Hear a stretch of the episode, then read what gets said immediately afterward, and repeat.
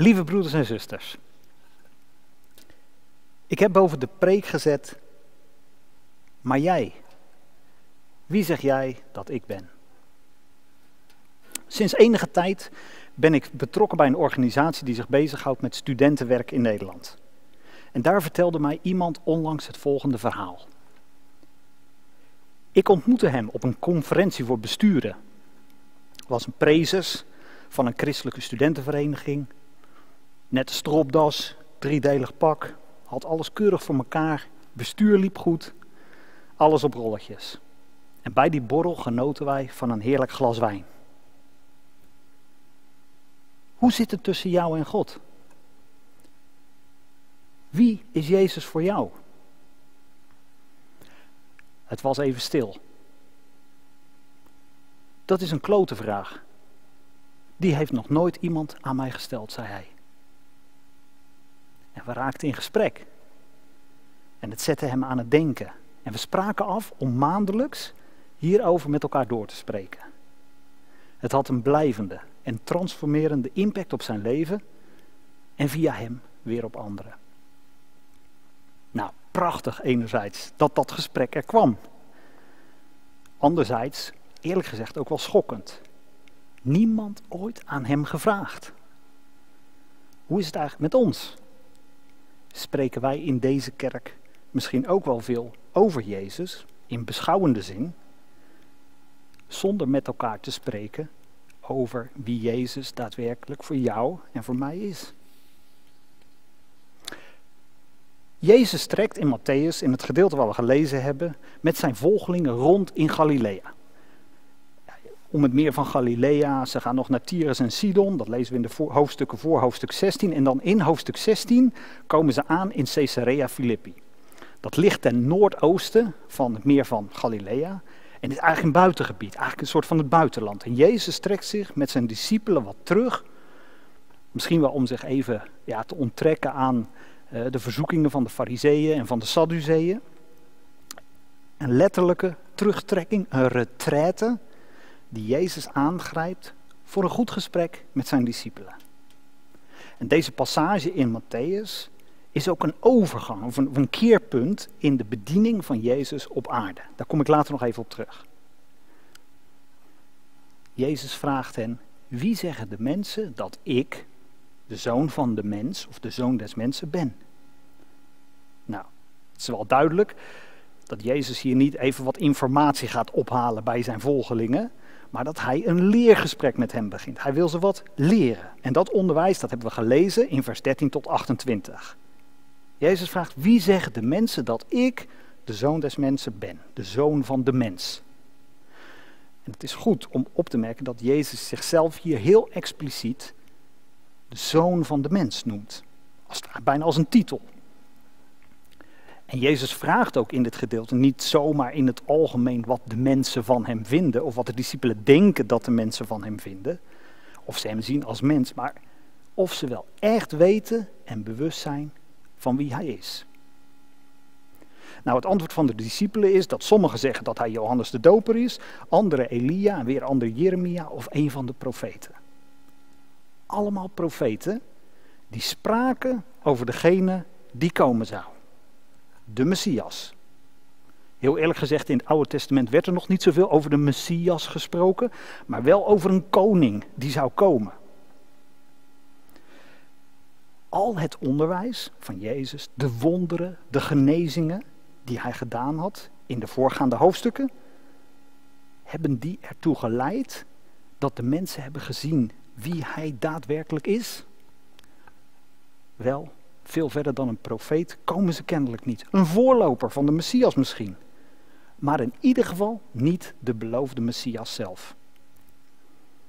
Wat de mensen aan en bij Jezus zagen, sloot kennelijk niet aan bij dat wat ze verwachten op basis van het Oude Testament en dat wat Johannes over degene die komen zou verteld had. Want die zei, er komt na mij iemand die is veel meer dan ik, ben niet eens waard om zijn schoen, schoenen vast te maken. En die zal je dopen met al die dingen. Ze herkenden het niet in Jezus. Het sloot niet aan bij het beeld wat zij hadden van de beloofde Messias.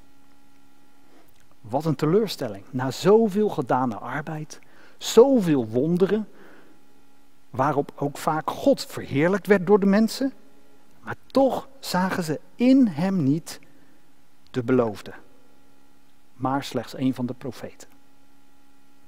En dan vraagt Jezus het aan zijn discipelen. Maar jullie, wie zeggen jullie dat ik ben? Het wordt dan heel persoonlijk. Praten over is makkelijk.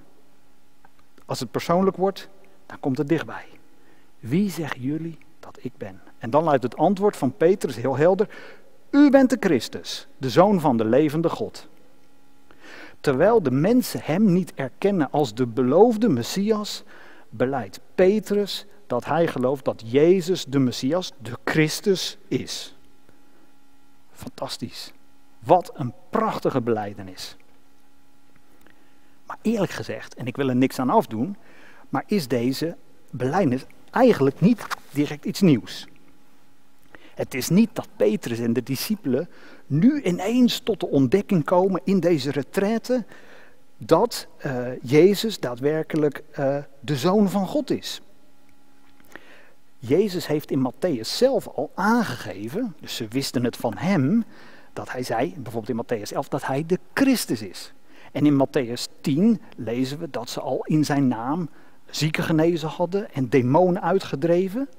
En in Matthäus 14, vers 33, heel specifiek, hebben de discipelen zelfs al beleden. In het verhaal dat Petrus, je weet wel, over het water loopt en dat Jezus dan de wind stilt, hebben zij belezen, eh, beleden, werkelijk, u bent de zoon van God. Maar wat voegt de belijdenis van Petrus daar dan hier nu aan toe? Nou, wat we hier zien is de volharding, het volhouden van de discipelen in het volgen van Jezus. Terwijl anderen Jezus verlaten omdat ze zijn boodschap niet willen horen. En Jezus vraagt, willen jullie ook niet weggaan? We lezen dat bijvoorbeeld in Johannes 6, dan beleidt Petrus daar dat ze erkend en geloofd hebben dat hij de Christus is. Ze hebben hem niet verlaten, maar ze geloven nog steeds in hem. Er zijn veel aanvechtingen, veel stemmen die Jezus niet erkennen, die hem verzoeken, hem afwijzen, hem niet erkennen. Omdat ze niet geloven wie hij is.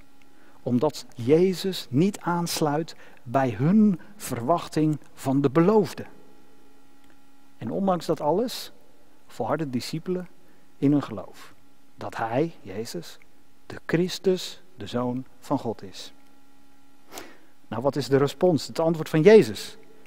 Hij zegt, zalig ben je, Simon, zoon van Jona, want vlees en bloed hebben je dat niet geopenbaard, maar mijn Vader die in de hemel is. Wat Jezus zegt is dat de mensen, vlees en bloed, Petrus dat niet duidelijk gemaakt hebben, maar dat dat geloof en die volharding van boven komt. Van de Vader. Het geloof, lieve mensen, lezen we hieruit.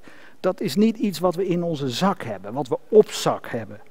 Maar het geloof in Jezus Christus, dat Hij de Zoon van God is, dat is een gave van God. Het komt door openbaring, door het werk van Gods geest in ons hart. Nou, we hebben in deze verhaallijn gehoord over wie Jezus is. Twee dingen kwamen in daar naar voren. Eén, Jezus noemt zichzelf zoon van de mens, zoon van de mensen. Tweede, we lezen duidelijk aan de hand van de belijdenis van Petrus en ook dat Jezus dat zelf bevestigt in ons gedeelte, dat Jezus de Messias is, de Christus, de zoon van God. Maar wat betekent dat nu? Dat Jezus enerzijds zoon van de mens is en anderzijds zoon van God is. Wie, wat zegt dat over wie hij is? Nou, de titel Zoon van de Mens, even een stukje uh, uit de Bijbel, is een benaming die uitsluitend door Jezus zelf gebruikt wordt om naar zichzelf te verwijzen. Eigenlijk uitsluitend. In die zin loopt Jezus er meer mee te koop dat hij zoon van de mens is, dan dat hij zoon van God is. Al heeft hij dat ook wel toegegeven. Bijvoorbeeld bij Caiaphas. Het woord mensenzoon voor Jezus komt wel ruim 80 keer voor in het Nieuwe Testament. Voornamelijk in de Evangeliën en wel het meest in Matthäus. Ruim 30 keer. En Jezus gebruikt deze titel, deze benaming, om te benadrukken dat hij daadwerkelijk mens was. Geboren uit Maria. En dat was ook niet vreemd voor de mensen. Zij zagen hem als mens. Maar, en dat is belangrijk, als Jezus over zichzelf spreekt als zoon van de mens, dan sprak Jezus vaak met twee woorden. Bijvoorbeeld ook in ons gedeelte. Als je leest in vers 27, dan staat er, want de zoon, we hebben het gelezen, want de zoon van de mens zal komen in de heerlijkheid van zijn vader. De zoon van de mens zal zitten op de troon van zijn heerlijkheid.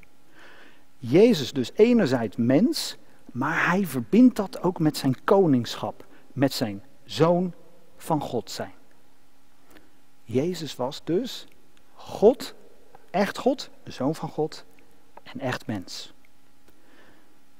Wat betekent dat? Dat Jezus enerzijds God en tegelijk echt mens was. Dat kort duiden, want daar kun je natuurlijk een hele prekenserie al zich over houden. Vier dingen daaruit om te, om te onthouden. Eén, het is kennen. Wat betekent het dat hij God en mens is? Enerzijds, door Jezus, dat hij mens was, kunnen we God kennen. De Bijbel zegt, wie mij, Jezus zegt in de Bijbel, wie mij gezien heeft, heeft de Vader gezien. Er staat ook in Johannes 1, hij is vlees geworden en heeft onder ons gewoond. En we hebben zijn heerlijkheid gezien, een heerlijkheid als van de enige geboren van de Vader. Hem kennen. Twee, verenigen. God en mens kunnen weer verenigd worden. Wij kunnen onszelf niet tot God verheffen. En daarom is Jezus mens geworden. God en mens in één. We lezen in de Bijbel, niemand is opgevaren naar de hemel. Dan hij die uit de hemel naar beneden gedaald is, namelijk de zoon van de mens. Het derde, we hebben kennen, verenigen, maar ook, en dat is eigenlijk het allerbelangrijkste, verlossen. Dat Jezus God is en mens werd, betekende ook dat hij ons kon verlossen. Voor mensen was dat onmogelijk. Voor God wel. Maar Paulus zegt erover in Galaten: God zond zijn zoon, geboren uit een vrouw, geboren onder de wet, om hen die onder de wet waren vrij te kopen. Dus Jezus werd als ons als mens onder de wet om ons daar ook van te bevrijden. Nou, dit is al ook weer een hele prekenserie op zich. Ik probeer het kort te duiden. Het vierde wat ik noem is troosten. Het is een enorme troost dat Jezus, omdat Hij werkelijk een van ons geweest is, ook ons kan begrijpen en met ons kan meevoelen in onze pijn, in ons verdriet, onze struggles, misschien ook wel in deze coronatijd en ook in onze blijdschap. Hebreeën zegt daarover, we hebben een hoge priester die in alles op dezelfde wijze als wij verzocht is, alleen dan zonder zonde. Kennen, verenigen, verlossen en troosten. Nou, en dan kunnen we toch, als we zo naar Jezus kijken, niet anders dan Hem aanbidden. Zoals Petrus ook deed. En beleiden, U bent de Christus. U bent de Zoon van de levende God. Nou, je ziet, als ik hierover praat, is misschien een beetje lastig, maar je moet het nog maar eens goed door laten dringen dat het mens zijn en het God zijn van Jezus, dat je dat niet uit elkaar kunt trekken. Dan kunnen we Jezus niet begrijpen. En als ik erover spreek, merk je ook dat ik moet spreken over daar waar Jezus voor gekomen is. Het werk wat hij gedaan heeft. Dat weten wij natuurlijk omdat we de Bijbel kennen. Dat wisten de discipelen op dat moment nog niet. En dat is ook precies wat Jezus nu in het vervolg van dit verhaal aan zijn discipelen gaat meegeven. We lezen verder in vers 27. Van toen af aan, ik zei al, het is een keerpunt, begon Jezus zijn discipelen te laten zien dat hij naar Jeruzalem moest gaan. En veel zou moeten lijden van de kant van de oudsten en de overpriesters en de schriftgeleerden en dat hij gedood zou worden en op de derde dag zou worden opgewekt. Nou, op dit keerpunt, op retraite in Caesarea Philippi, als de mensen hem verlaten, maar zijn discipelen volharden, in hem, bij hem blijven en in hem geloven dat hij de zoon van God is, gaat hij vertellen waarvoor hij gekomen is. Wat er met hem gaat gebeuren. Dit moest gebeuren, staat er. Dat was Gods wil, Gods gekozen weg. Het zou niet alleen zoals we hebben gelezen zijn dat de Jezus door de mensen afgewezen zou worden, dat ze hem niet erkenden, maar ze zouden hem zelfs doden. En hoe onderwees Jezus zijn discipelen daarin dat hij dat moest ondergaan? Door ze daarover te vertellen, staat hij toonde het hen. En ik denk dat hij het hen aantoonde uit de schriften. Wat de profeten daarover gezegd uh, hadden. Maar ook door wat Johannes daarover gezegd had. Nou, wat er dan gebeurt is dat Petrus Jezus apart neemt. En hem begint te bestraffen. Jezus moet zich vergissen. Als hij de zoon van God is, de gezalfde, de beloofde, hoe kan het dan dat hij zal sterven? Petrus zegt, God is u genadig. Heer, dit zal beslist niet met u gebeuren. En ik begrijp eerlijk gezegd die verwarring van Petrus wel. Net nog zalig verklaard door Jezus, mooie belofte gekregen van hoop en toekomst en nu dit. En ook Jezus reageert fel op Petrus' reactie. En zegt hem dat hij niet de dingen van God bedenkt, maar die van de mensen. Kennelijk liggen die dingen zomaar snel bij elkaar, dicht bij elkaar. Het bedenken enerzijds van de dingen die van God zijn, zoals Petrus beleed zo even, u bent de zoon van God. En heel vlak daarna het menselijk denken. Petrus, die met zijn beleidenis nog achter Jezus aanliep, hem volgde, hem niet verliet, ging nu even voor Jezus staan. Als een struikelblok, dat noemt Jezus het zelf. En Petrus werd teruggewezen naar zijn plaats. Ook Petrus beeld en verwachting van wat het betekende dat Jezus de zoon van God was en dat hij ook tegelijk mens was, dat was nog niet in lijn met Gods plan. Petrus moest zich laten corrigeren door Jezus. Petrus zei tegen Jezus: God is u genadig. Dat zal beslist niet gebeuren. Maar God zou Jezus juist niet genadig zijn in zijn lijden en aan het kruis. Om daarin juist wel ons en Petrus genadig te zijn. En dan vervolgt Jezus zijn onderwijs. Als iemand achter mij aan wil komen, dan moet hij zichzelf verloochenen. Zijn kruis opnemen, mij volgen, want wie zijn leven zal willen behouden, die zal het verliezen. En wie zijn leven zal verliezen om mij, die zal het vinden. De scherpe reactie van richting Petrus, van Jezus, wordt nu een bredere waarschuwing voor de discipelen. Alleen achter Jezus aan, richting de kruisdood, is de weg naar het leven. We hebben Hem nodig, Hem alleen. Maar dat volgen van Jezus om het leven te ontvangen, dat houdt ook in dat ze hun meester gaan volgen in die weg van dienen en zelfopoffering. Ja, mogelijk zelfs tot de dood.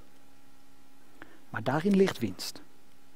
Want we hebben er niet de tijd om daar helemaal op in te gaan. Maar er staat in ons gedeelte dat Jezus ook zou opstaan. Niet alleen dat hij zou lijden en sterven, maar dat hij ook zou opstaan. En dat hij de dood zou overwinnen. En dan staat er aan het einde van ons gedeelte dat hij zal komen in de heerlijkheid van zijn vader. Het begon met de vraag van Jezus aan zijn volgelingen. En vanmorgen wil ik die vraag ook aan jou en ook aan mezelf stellen. En jij? Wie zeg jij dat Jezus is? Is hij voor jou een goed mens? Een profeet, zoals de mensen dachten? Een voorbeeld? Of is hij, net als voor Petrus en voor de discipelen, de zoon van de levende God, die mens werd? Nou, misschien zeg je nu, ja Erwin, kom op hé. Daarvoor zit ik toch hier, dat ik dat geloof dat Jezus de zoon van God is. Prachtig. Ben jij ook bereid om jouw beeld en jouw verwachtingen van Hem te laten corrigeren door Zijn woord, de Bijbel en door de Heilige Geest? Net als dat bij Petrus moest gebeuren. Net zodat nog moest gebeuren bij die mensen die hem nog niet eens de Heer Jezus zagen, maar een profeet. Misschien heb je wel, net als ik, het idee dat je soms in een sleur terechtkomt. Hè? Dat je het allemaal wel weet. En dat we in een situatie zitten waarin we niet langer groeien echt in onze relatie met de Heer. En dat we de Bijbel steeds maar de, dezelfde oude waarheden lijkt te herhalen. Maar zelfs ook in de voorbereiding van deze preek werd ik weer blij Zelf ook. En ik had de laatste tijd best wel een beetje zo'n zo'n zo'n periode. En ik genoot er weer van om er na te denken over wie Jezus is. Erbij stil te staan. Het klinkt soms zo vanzelfsprekend. En als je erover na gaat denken, wat een wonder. Dat we Hem kunnen kennen. Dat Hij weer mens en God verenigd heeft. Dat Hij ons verlost heeft. Dat Hij met ons meevoelt. En dat we Hem mogen volgen. En ons daarvoor ook mogen opofferen. En daarmee alles winnen.